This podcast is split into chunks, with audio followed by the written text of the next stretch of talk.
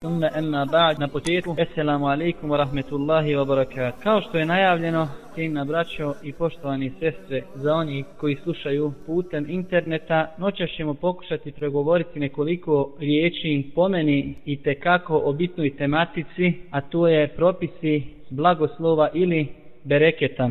U samom početku da samo kažemo da je ovo naš onaj ustaljeni ciklus.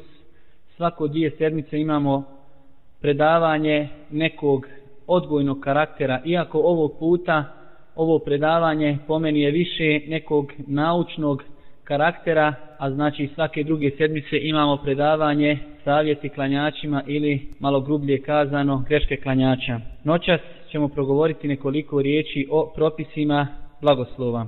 Zaista mnogo stvari ukazuje, braćo moja draga, na bitnost ove tematike.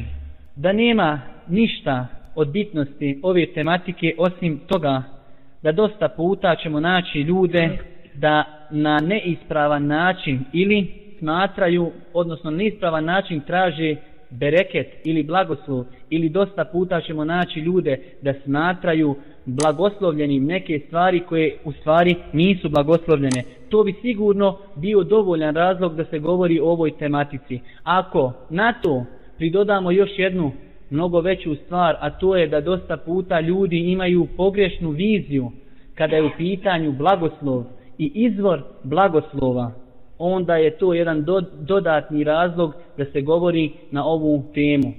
A ako bi na to dodali još jedan, možda i najveći razlog zbog koje treba govoriti o ovoj tematici, a to je da nepoznavanje propisa blagoslova i bereketa nerijetko odvede velik broj muslimana da počine najveći grijeh koji se može počiniti na zemlji, a to je širk Allahu subhanahu wa ta'ala. Zbog toga i kako je bitno da musliman poznaje propise blagoslova ili bereketa, da poznaje stvari koje su šerijatom potvrđene da su blagoslovljene i da poznaje suprotno tome one stvari koje nisu blagoslovljene, a kod velikog broja ljudi važe kao takve. Prije nego što počnemo govoriti o ovoj tematici, želio bih da spomenem nekoliko stvari koje vidim da su i kako bitne za shvatanje ove tematike, a bitne su za svakodnevni život čovjeka muslimana. Prva od tih stvari koja je zasigurno svima vama poznata, ali mi ćemo spomenuti zbog njezinog jednog segmenta kojih želim da pojasnim, a to je, kao što znate, svako djelo da bi bilo primljeno kod Allaha subhanahu wa ta'ala, treba da se pri njemu ispune dva osnovna uslova. Da je djelo urađeno iskreno radi Allaha subhanahu wa ta'ala i da djelo koje želimo da bude primljeno kod Allaha subhanahu wa ta'ala ima podloge u šerijatu. Šta znači to da dijelo bude urađeno u ime Allaha? To znači kratko, jasno, da dijelo koji radimo, želimo tim dijelom Allahovo subhanahu wa ta'ala zadovoljstvo, nikako nešto drugom. I oko toga mislim da nema velike polemike. Drugi uvjet da dijelo ima osnove u šerijatu, oko toga ćemo se malo zadržati. Ali prije nego što počnemo govoriti i pojašnjavati ovaj propis, treba da kažemo, ako bi se desilo da pri nekom dijelu izostane jedan od ova dva uslova ili šarta, dijelo neće biti primljeno. Pa tako, ako dijelo bude urađeno u skladu sa onim što vjera nalaže, ali nije iskreno u ime Allaha subhanahu wa ta'ala, to dijelo neće biti primljeno.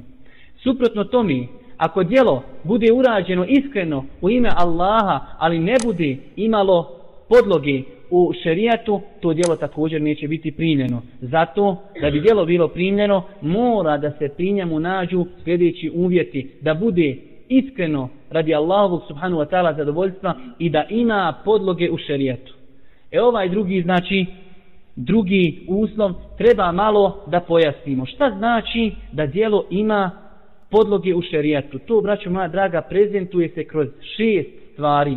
I zapamtite dobro, ove šest ovi šest stvari, one su i tekako bitne. Jer dosta puta ćemo naći ljude da rade djelo koje ima osnovu u šerijatu, ali ga ne rade onako kako ga šerijat zahtjeva od njih. I to, braćo draga, djelo neće biti primljeno. Zato što nije u tom dijelu nisu se ispunili ovi uvjeti koji ćemo sada spomenuti. Znači, da bi djelo bilo primljeno, mora da ima podlogu u šerijetu, a to se prezentuje kroz šest stvari. Prva stvar jeste ispravnost njegovog razloga. Druga stvar, svaku ćemo ovu stvar pojasniti kroz primjer. Druga stvar jeste ispravnost vrsti. Treća stvar, ispravnost količini. Četvrta stvar, ispravnost kakvoći. Peta stvar, ispravnost vremena. I šesta stvar, ispravnost prostora. Prva stvar, ispravnost razloga. Šta to znači? To znači da ako želimo da uradimo djelo, treba da gledamo da li je šerijat precizirao za to djelo određeni razlog. Što znači, ispravan šerijatski razlog je da čovjek uđe u džanju i klanja dva rekiata. Pozdrava džami, tehijetul mesjid. To je ispravan šerijatski razlog. A ako bi čovjek uzeo sebi da kaže kada god uđem u kuću ja ću klanjati dva rekiata kao obaveza i svim ostalim muslimanima da je to obaveza, onda ćemo kazati to je neispravan zato neispravan razlog zato što to nije šerijat potvrdio. Nema smetnje da čovjek kada god uđe u klanja dva rekiata, ali da to smatra šerijatskim razlogom za rađenje nekog djela, to nije ispravno. Gdje možemo naći ovu stvar u nas u praksi? Na primjer, da ljudi uzmu slavljenje rođendana Božijeg poslanika sallallahu alihi wasallame kao razlog za rađenje pojedinih ibadita. Ovo šerijat nije potvrdio i zato kažemo da ta djela nisu ispravna. Dobro, druga stvar kroz koju se prezentuje ovaj znači šart jeste ispravnost vrsti. Šta znači ispravnost vrsti? Na primjer, mi znamo kada čovjek želi da kolje kurban, da je ograničen da kolje određene vrste. Pa na primjer, može da zakolje kozu, ovcu, kravu ili devu.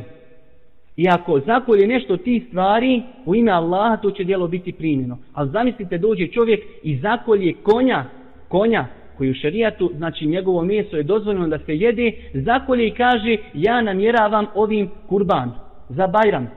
Ovo djelo nije ispravno zato što vrsta nije ispravna. Nema smetnje da čovjek zakolje konja i podijeli, podijeli ga u ime Allaha. Nema smetnje nikakve. Ali da namjerava tim djelom kurban ne može. To je, braćo moja draga, vrsta. Količina. Šta znači količina? Najlepši primjer nam je kada je u pitanju namaz. Podni namaz ima četiri rekiata farza. Da dođe neko i kaže ja želim da klanjam tri rekiata kao akšam ili pet rekiata. To je neispravno, znači nije ispravna količina dijela. Kakvoća? Na primjer, kada je u pitanju namaz. Čovjek mora da pazi na redoslijed radnji u namazu. To je ta kakvoća. Ne može čovjek da uradi seždu prije rukua ili da uradi šta ja znam kijam prije ovaj na primjer učenja pa ti tako neki stvari znači čovjek ako želi ispravnu kakvoću treba da pazi znači kako je šerijat propisao kakvoću tog djela.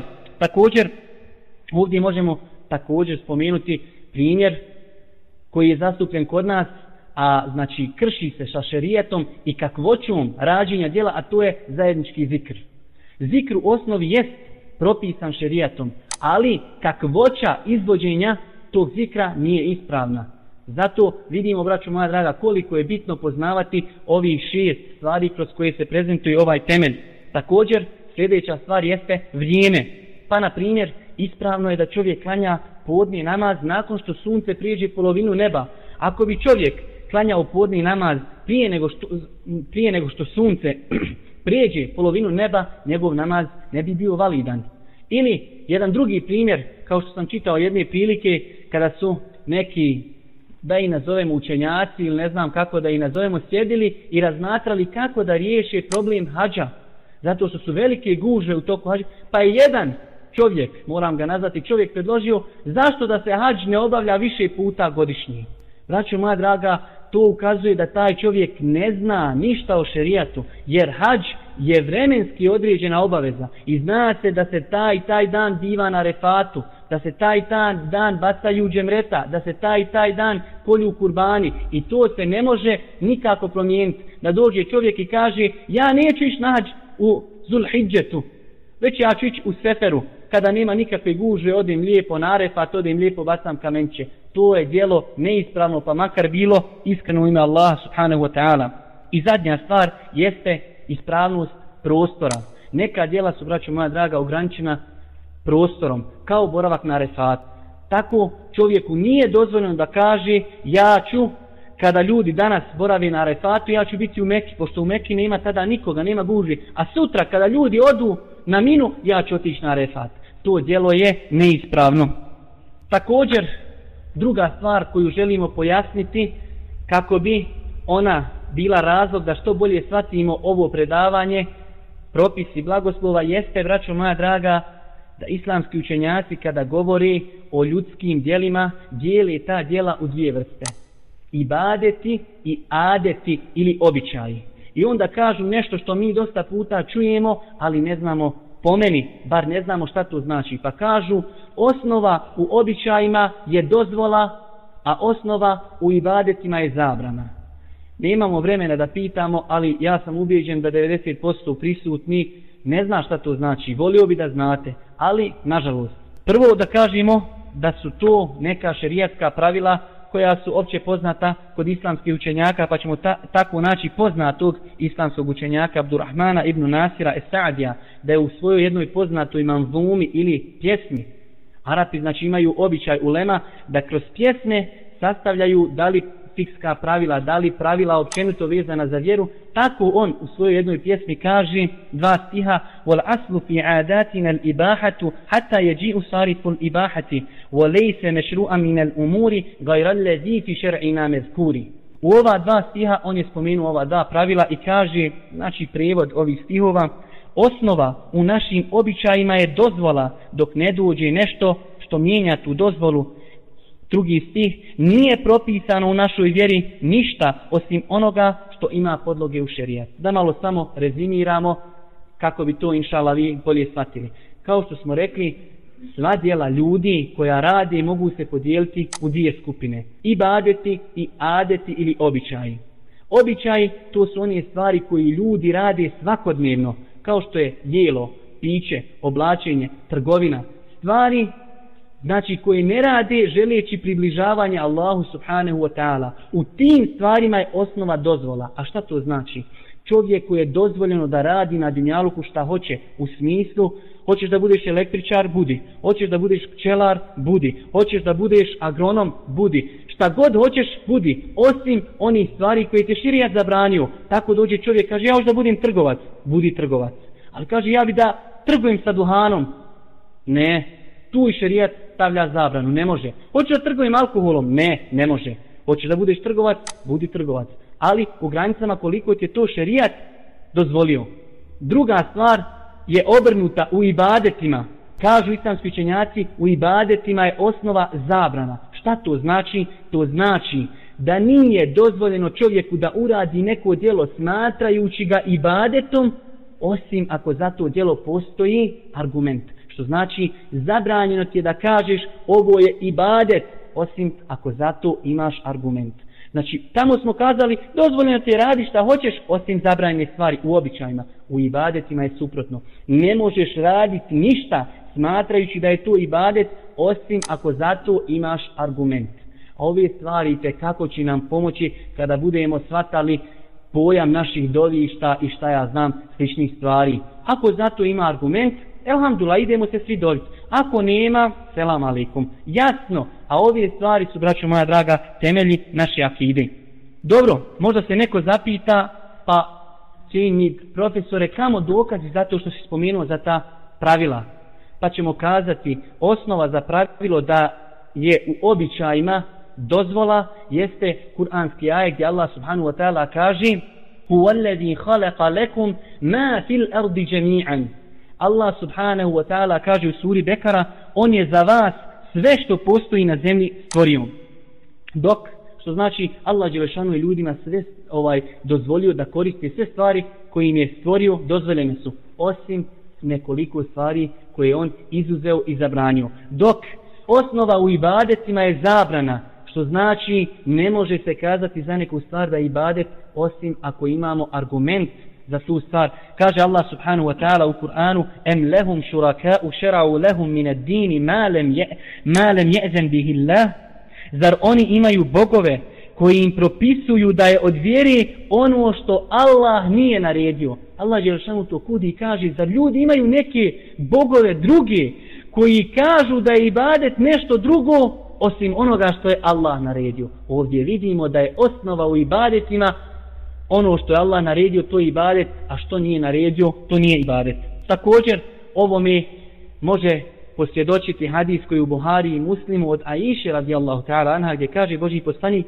men ahdese fi emrina haza ma li se minhu fe huwa red ko uvede u ovu našu vjeru nešto što nije od nje to će dijelo biti odbačeno neće biti prihvaćeno je blagoslovljeno ili beričetli povlači za sobom da je rađenje te stvari da je rađenje tog djela ibadet, onda nam ne ostaje ništa drugo nego da kažemo da Allah subhanahu wa ta'ala ima jedini pravo da kaže za neku stvar da je beričetli i da je blagoslovljena.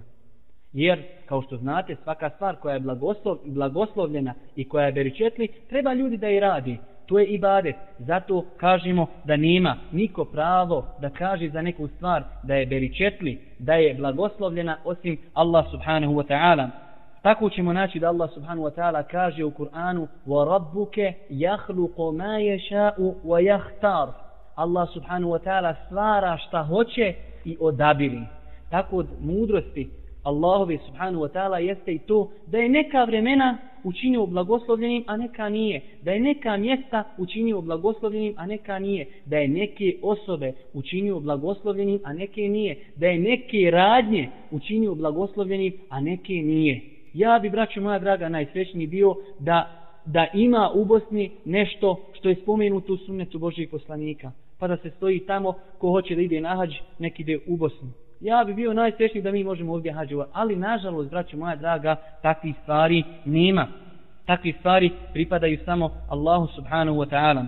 U jednom hadisu se prenosi kojeg zabilježi imam Buharija od Božijeg poslanika sallallahu alaihi wasallam da jedne prilike bio na putovanju pa im je ponestalo vode pa je Boži poslanik sallallahu alaihi wasallam svoju mubarek ruku stavio u jednu zdjelu gdje je bilo malo vode, pa je kazao ashabima, dođite ka blagoslovljenoj vodi, zaista je blagoslov samo od Allaha. Zaista je blagoslov samo od Allaha, pa je provrijela voda između njegovih prstiju. Vidimo ovdje ovu riječ ili rečencu gdje kaže Boži poslanik, zaista je blagoslov samo od Allaha, što nedvosmisleno ukazuje da je Allah subhanahu wa ta'ala taj koji odabire od stvari i od vremena i od mjesta šta će biti blagoslovljeno i mubarek, a šta ne.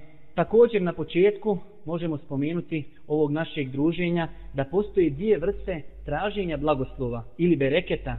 To je dozvoljena dozvoljen način traženja bereketa, to je da čovjek radi one stvari koje su preporučene šerijatom i drugi način koji nije dozvoljen, a to je da čovjek traži bereket u stvarima koje nisu potvrđene šerijatom.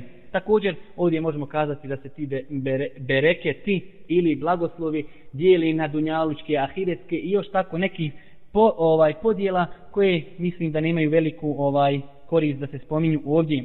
Mi ćemo, braćo moja draga, u nastavku predavanja pokušati u jednom sažetom ovaj stilu da spomenimo većinu stvari koje su spomenute u šerijatu, spomenute u šerijatu kao blagoslovljene i beričetni. A mali dio, na kraju ćemo par minuta samo posvijetiti spominjanju nekih načina, zabranjenih načina traženja blagoslova. Zato, znači, sve ovo što čudnemo, biće ako Bog da spominjanje hadisa Božih poslanika ili kuranskih ajeta. Pa tako prva stvar koju ćemo spomenuti, a ona je blagoslovljena, jeste Kur'an. Allahu subhanahu wa ta'ala govor. Allah Đelešanhu na više mjesta spominje Kur'an da je blagoslovljen. Pa kaže u jednom od tih ajeta وَهَذَا كِتَابٌ أَنْزَلْنَاهُ مُبَارَكٌ فَاتَّبِعُوهُ وَاتَّقُوا لَعَلَّكُمْ تُرْحَمُونَ A ova knjiga koju objavljujemo jest blagoslovljena, zato je slijedite i grijeha se klonite da bi vam se milost ukazala blagoslov i bereket Kur'ana, kao što je vama poznato svima, ogleda se kroz mnoge stvari. Mi ćemo spomenuti samo neki. Na primjer, da je to Allahu subhanahu wa ta'ala govor. Da je Allah Đelešanu tim govorom, Kur'anom, rastavio istinu od neistini. da u Kur'anu imamo općenito odgovore na sva pitanja. U Kur'anu je lijek za tjelesne i duševne bolesti, a ovo mi ćemo malo poslije govoriti malo opširnije. Također, od blagodati i bereketa Kur'ana jeste da je derogirao sve prijašnje objave. Također od bereketa i njegovog blagoslova jeste da je Allah, stvoritelj zemlje i nebesa, zagarantovao da će čuvati Kur'an nepromijenjen do sudnjeg dana gdje kaže inna nahnu nezelne zikra wa inna lehu lehafizun. Zaista su mi objavili Kur'an i mi ćemo ga čuvati.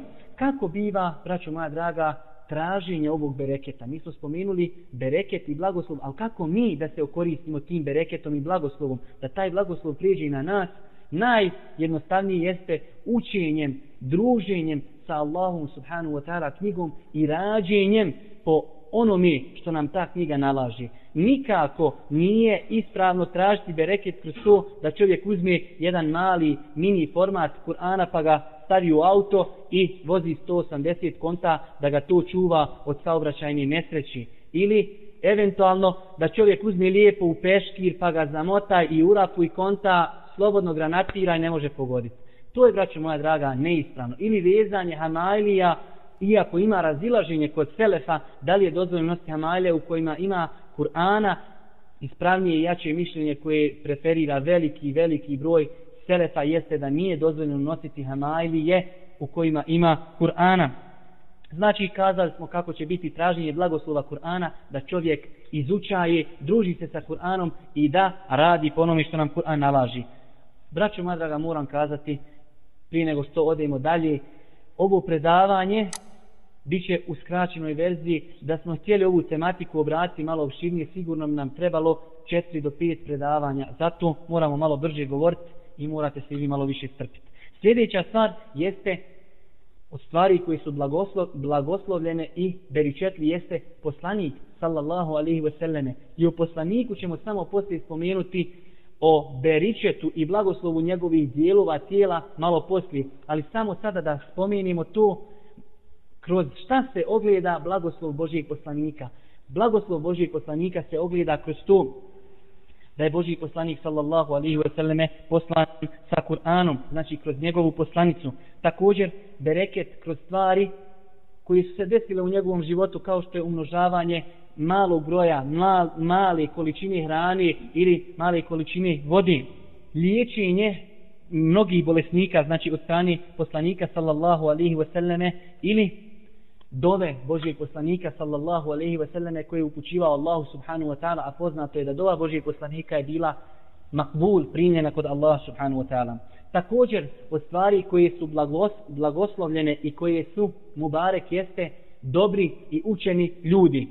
O njima ćemo malo također spomenuti na kraju kada budemo govorili o neispravnom načinu traženja bereketa, ali samo da kažemo kako se ogleda blagoslov dobrih ljudi ogleda se u tome da oni podučavaju ljude Allahu i subhanu wa ta'ala vjeri, da naređuju na dobro, odvraćaju od zla, da upućuju dove Allahu subhanu wa ta'ala za društvo i za pojedince i mnogo toga što je vama većinom poznato.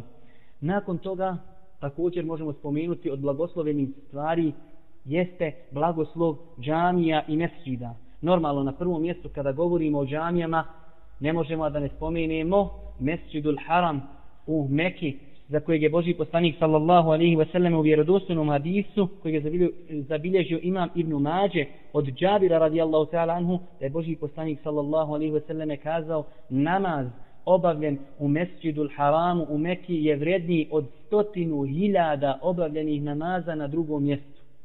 Molim Allaha da nam pruži priliku da još koji put tamo klanjamo.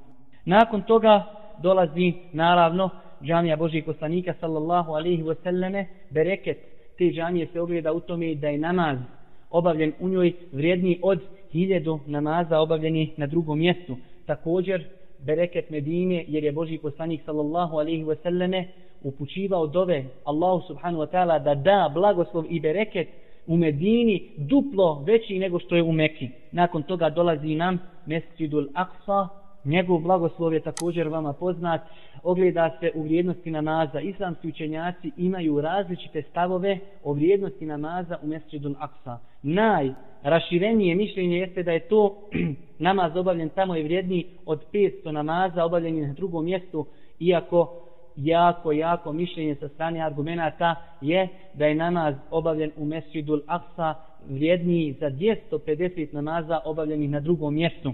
Ali znači ovo nije mjesto gdje ćemo mi govoriti o tom pitanju. Jedno je sigurno da je namaz obavljen u Mesjidul Aqsa vrijedniji od obavljanja namaza na drugim mjestima.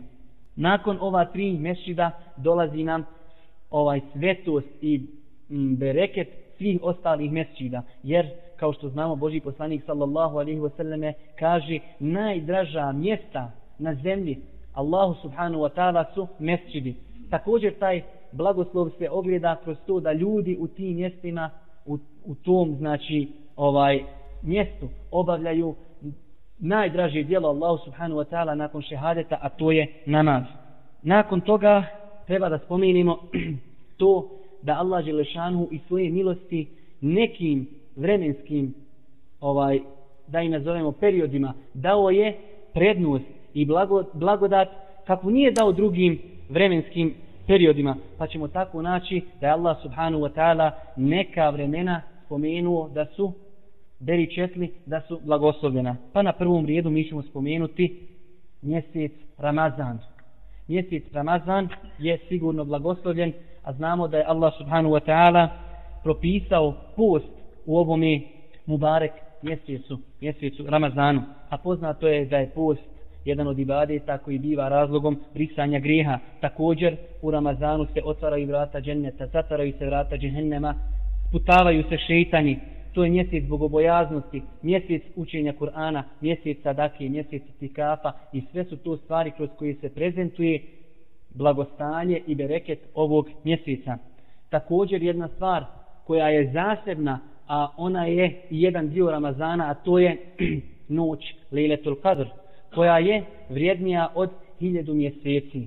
A šta znači hiljadu mjeseci? Islamski učenjaci kažu da se to odnosi da je rađenje dobrih dijela u njoj vrijednije nego rađenje dobrih dijela u hiljadu drugih mjeseci u kojima nema Lejletul Allah Đelešanu u Kur'anu ovu noć opisuje time da je ona blagoslovljena pa kaže inna enzelnahu fi lejletin mubaraketin mi smo Kur'an objavili u blagoslovljenoj noći.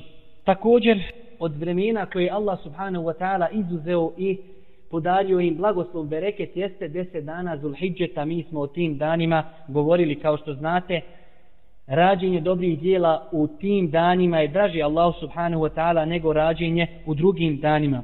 Također, u ovim danima je dan Arefata, 9. Zulhidže, a poznato je u vjerodostojnim hadisima je došlo od Božih poslanika da je post devetog dana Zulhidžeta, dana Arefata, briše grijehe prošle i buduće godine.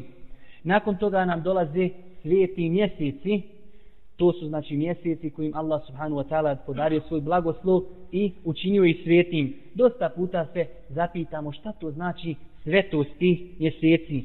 Na, odgovor ćemo naći u riječima Abdullaha ibn Abbas radijallahu ta'ala anhu gdje kaže Allah ih je učinio svetim. Uveličao je njihovu svetost tako da su grijesi u njima veći, a dobra djela se više vrednuju u njima nego u drugim vremenima. Znači, kroz što se ogleda ta njihova svetost, da su grijesi u njima gori i više se znači ovaj smatraju grijesima, a dobra djela sve više nagrađuju u tim mjesecima.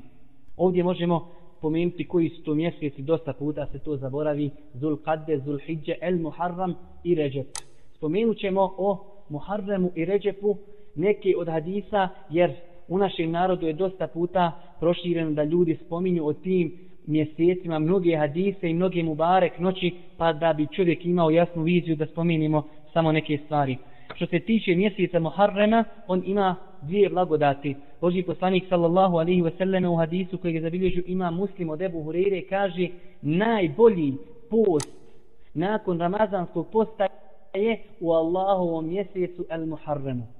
I također u njemu je druga blagodat desetog dana Muharrema je šta? Dan Ašure, nijemamo kad čekat, inače bi vas čekao da vidim šta ćete kazati. Dan Ašure, a inače znamo da post na dan Ašure briše grijehe iz prošle godine. Što se tiče mjeseca Ređepa, On je poznat u našem narodu kao Mubarek mjesec u kojem imaju neke noći te lile to ragajiv, te lile to ovaj, te lile to onaj, te ovaj, te onaj. Što se tiče vrijednosti mjeseca Ređepa s velikim poštovanjem možemo kazati da je to jedan od svetih mjeseci, ali o vrijednosti tog mjeseca nema osim jedan hadis. A to je da je Boži poslanik sallallahu alaihi ve selleme govorio Allahumme barik lena fi, šab, fi ređepe wa šabane wa beligna ramadane. O gospodaru, podari nam blagoslov u ređepu i šabanu i učini nas da doživimo Ramazan.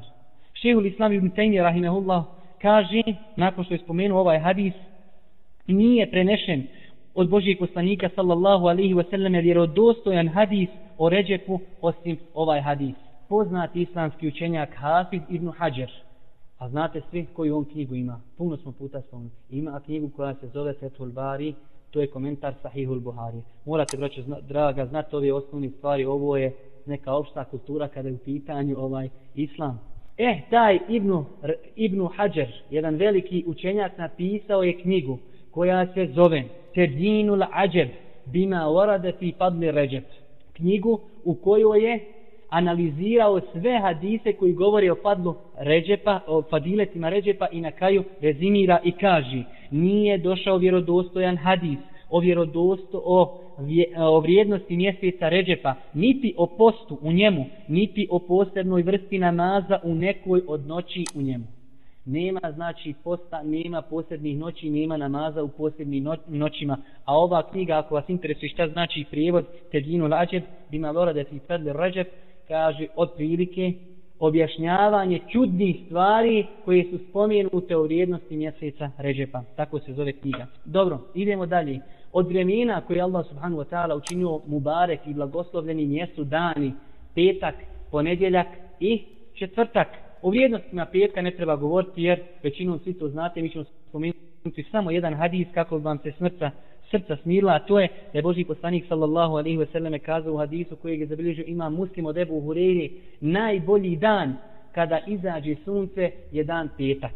Poznato vam je da u toku dana petka postoji moment kada Allah subhanahu wa ta'ala prima dove. Islamski učenjaci u tom momentu se razilaze na mnogo, mnogo mišljenja. Dva mišljenja imaju validne argumente a ostala mišljenja nemaju. Drugi put ćemo spomenuti koja su dva mišljenja. Također, ovaj, ko obavi džumu namaz onako kako mu je propisano, bit će mu oprošteni grijesi između dvije džume. To su neke odlike džume namaza. Ali vrijednost ponedjeljka i četvrtka ogleda se u tome da su to dani, vraćaju moja draga, kada se otvaraju vrata dženneta.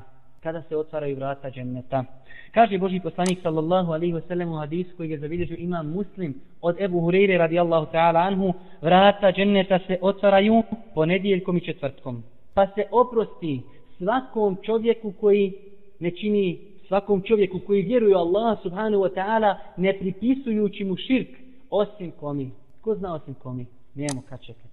Osim onoj dvojici ljudi koji imaju spor između njih pa kaže Allah Đelešanu, ostavite tu dvojcu dok se ne pomire. Znači svima oprostite osim toj dvojci ljudi. Zato, braćo moja draga, te naše međubratske odnose gledajte kako ćete popraviti, jer toj dvojci ljudi se ovaj ne praštaju grijesi. Dobro, također od Mubarek vremena jeste i to vrijeme kada se Allah subhanahu wa ta'ala, gospodar zemlje i nebesa, spušta na ovo zemaljsko nebo.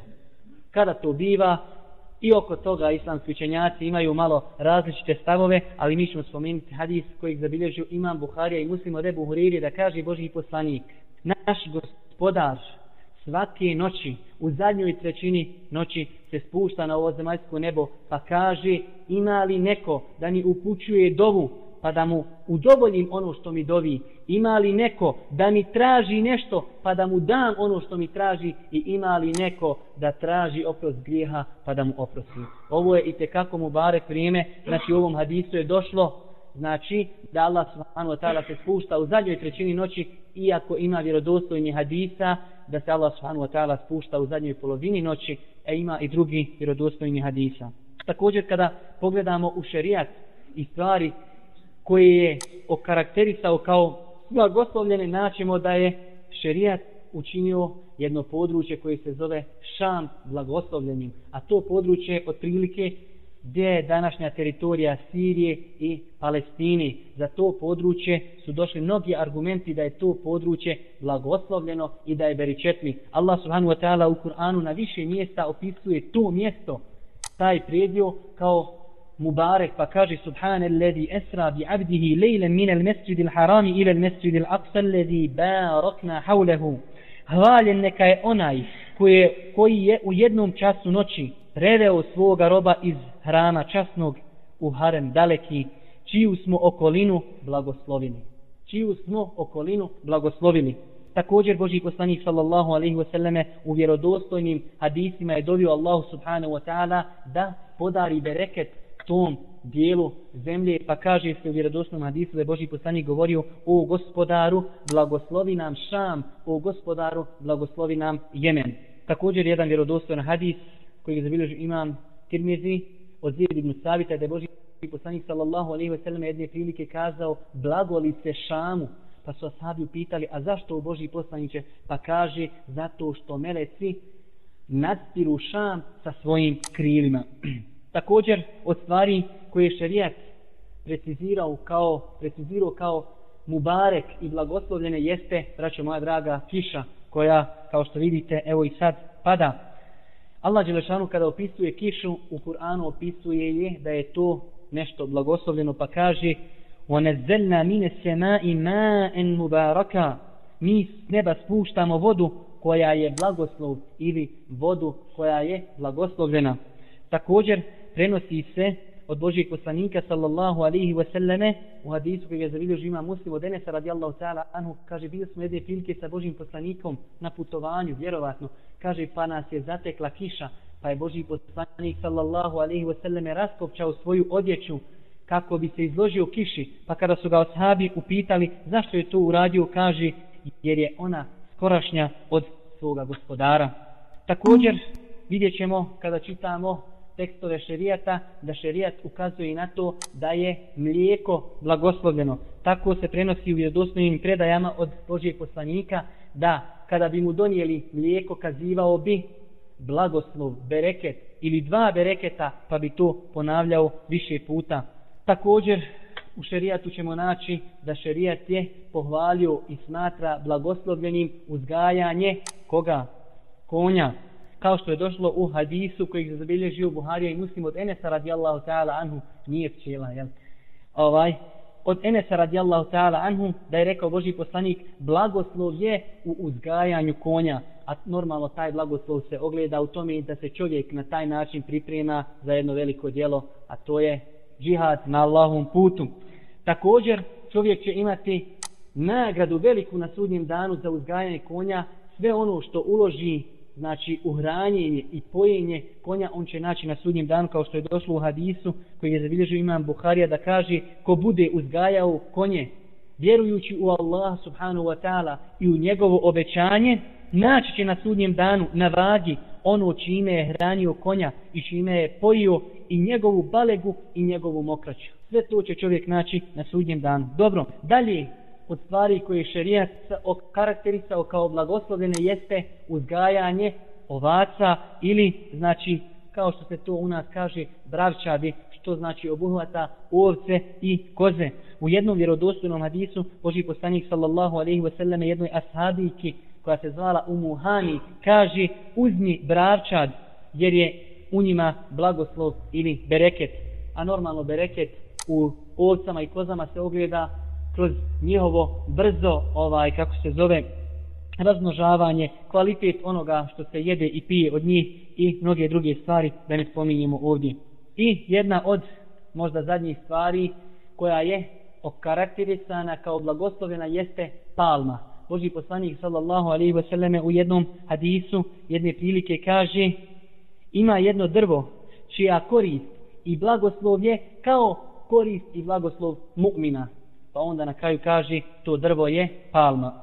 Nakon što smo spomenuli ove neke stvari, pomeni veliku većinu stvari koje su spomenute u šerijatu kao blagoslovljene ili kao mubarek stvari, da spomenimo samo ukratko nekoliko načina kako čovjek može da traži bereket i blagoslov tih stvari i inša Allah nakon toga samo možda u par minuta da spomenemo neke od načina neispravnih načina traženja blagoslova. Pa tako, na primjer, kada smo govorili o Kur'anu i njegovom blagoslovu, jedan zasigurno dobar način traženja blagoslova, braćo moja draga, jeste učenje ruke, jer taj bereket blagoslov Kur'ana je razlogom da čovjek ozdravi. Normalno kada se uči rukja, čovjek treba, odnosno u toj ruki treba i da se ispune šerijatski uslovi. Mi ćemo spomenuti samo neke od njih da ta rukja bude na arapskom jeziku, da bude razumnog značenja i da onaj ko uči i onaj ko mi se uči budu ubijeđeni da je ta rukja samo sebe i razlog, a ne da ona liječi, jer onaj koji liječi, on je iznad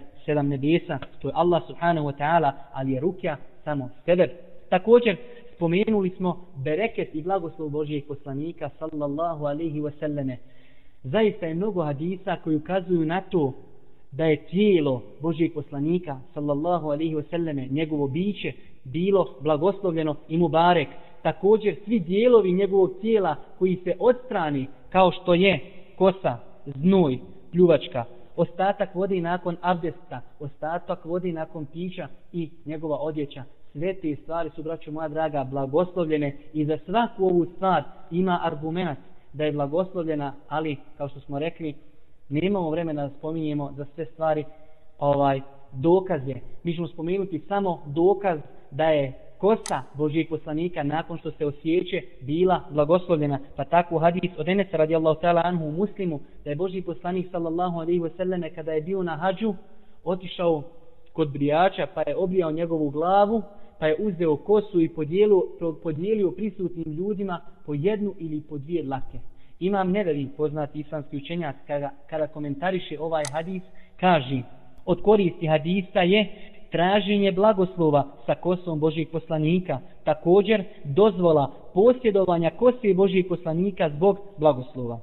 Ove stvari, braćo moja draga, znači dijelovi koji se, da kažemo, odvoje od Božijeg poslanika, bili su blagoslovljeni za života Božijeg poslanika i također bili su blagoslovljeni nakon smrti Božijeg poslanika sallallahu alaihi wasallame. Prenosi se u vjerodostojnim predajama da su ashabi kada bi neko obolio od uroka odlazili su kod njegovih žena koje su imale nekoliko njegovih dlaka, njegove kosti u nekim posudama, pa su sipali vodu na te dlake i onda bi popili tu vodu, normalno, bez dlaka, bez kosti, i onda bi to bilo razlogom da ljudi ozdravi zbog bereketa i blagoslova u tim dlakama. Također, ispravno mišljenje, ispravno mišljenje, kada bi čovjek u današnjem vremenu mogao sigurno da zna da postoje neki dijelovi takvog tipa prisutni danas, da bi bilo dozvoljno s njima tražiti bereket.